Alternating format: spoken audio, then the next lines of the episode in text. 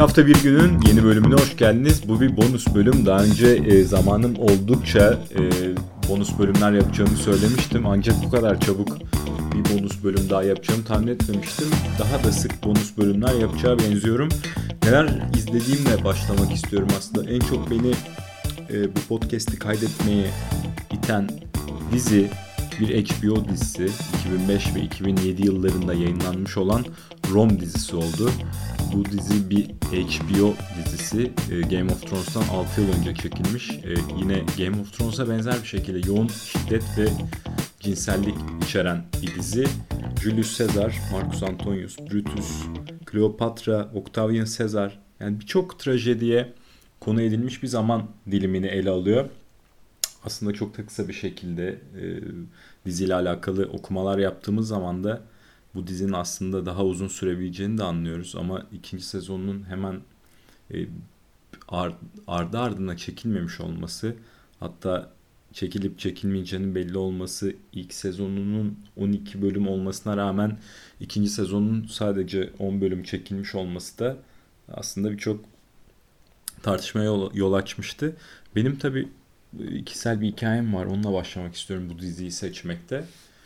Hmm, Margaret Yursener'ın Hadrianus'un Anıları kitabını okuduktan sonra e, burada Hadrianus da Roma İmparatoru Edirne şehrini kurmuş olan tabi çok büyük bir etkilenme yaşadım Roma tarihine dair ve bu etkilenmenin ardından da harıl harıl Roma ile ilgili bu ilgimi devam ettirmek istiyordum. Ne yapayım, ne edeyim, ne izleyeyim, ne okuyayım derken e, Medyascope'da Kaya Hayze ile konuşuyorduk. Ona Netflix'teki Roma İmparatorluğu serilerini sordum. O da onların çok iyi olmadığını söyledi. Gerçekten de internette bakınırken e, bu seriler hakkında çok iyi yorumlar ben de okumamıştım.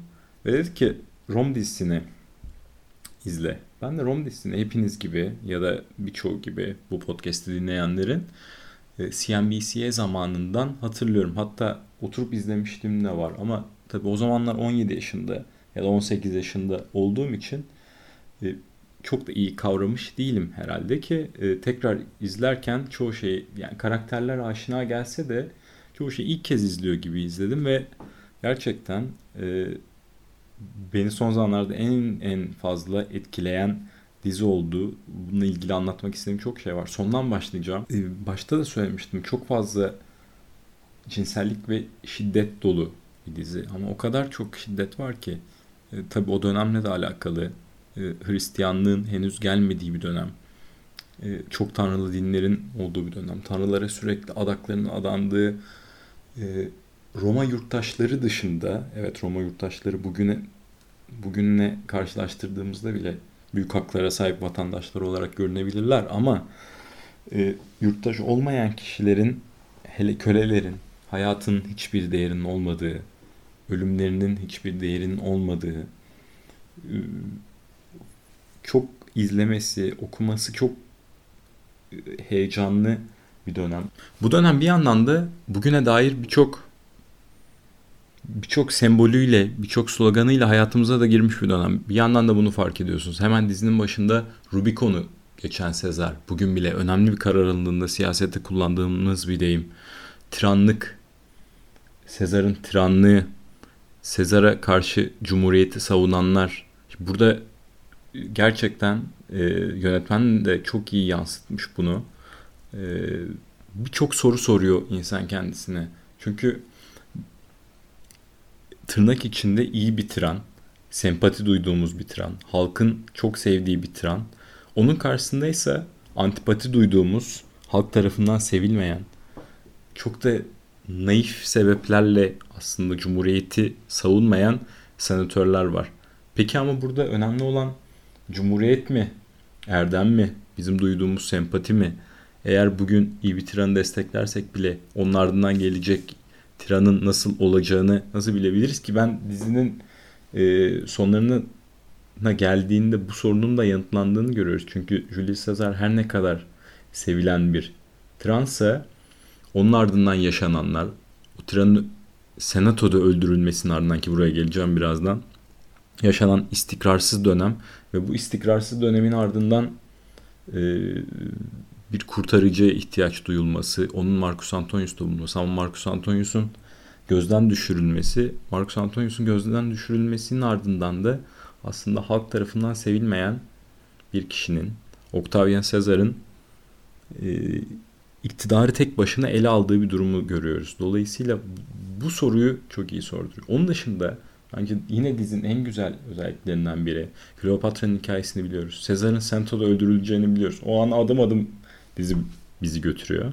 Fakat ona rağmen onun senatoda bıçaklandığı an son olarak yanında Brutus'un yaklaşması e, ona sen de Brutus dememesi bunların e, bunların ne olacağını bilmemize rağmen nefes kesici bir şekilde o ilk sezon bitiyor ve o ilk sezonun bittiği anda kala kalıyoruz olduğumuz yerde. İkinci sezona geldiğimiz zaman dediğim gibi bambaşka şeylerle karşılaşıyoruz. Sezar ölmüş. Müthiş bir iktidar mücadelesi Marcus Antonius'la Octavian arasında. Ve bu aileler de aslında Atiler'den Julie'nin hayatı, onun kaldığı ikilem, e, Atiler'den Julie'nin hayatı boyunca çok acımasız bir hayat sürmesi, insanların gözünün yaşına bakmaması.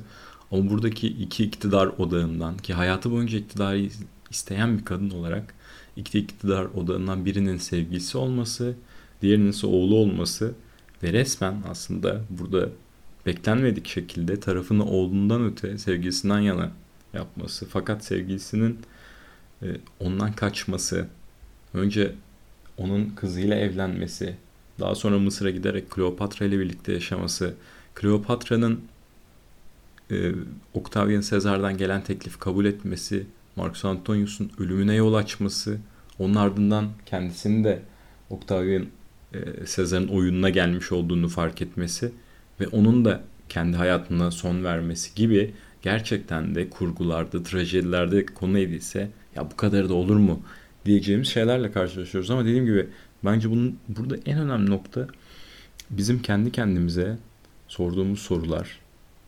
Bunlara yanıt veremesek de bu soruları sorabilmiş olmamız. Gerçekten çok güçlü, çok kuvvetli bir dizi olduğunu düşünüyorum bunları görürken. Mesela bunu not aldım.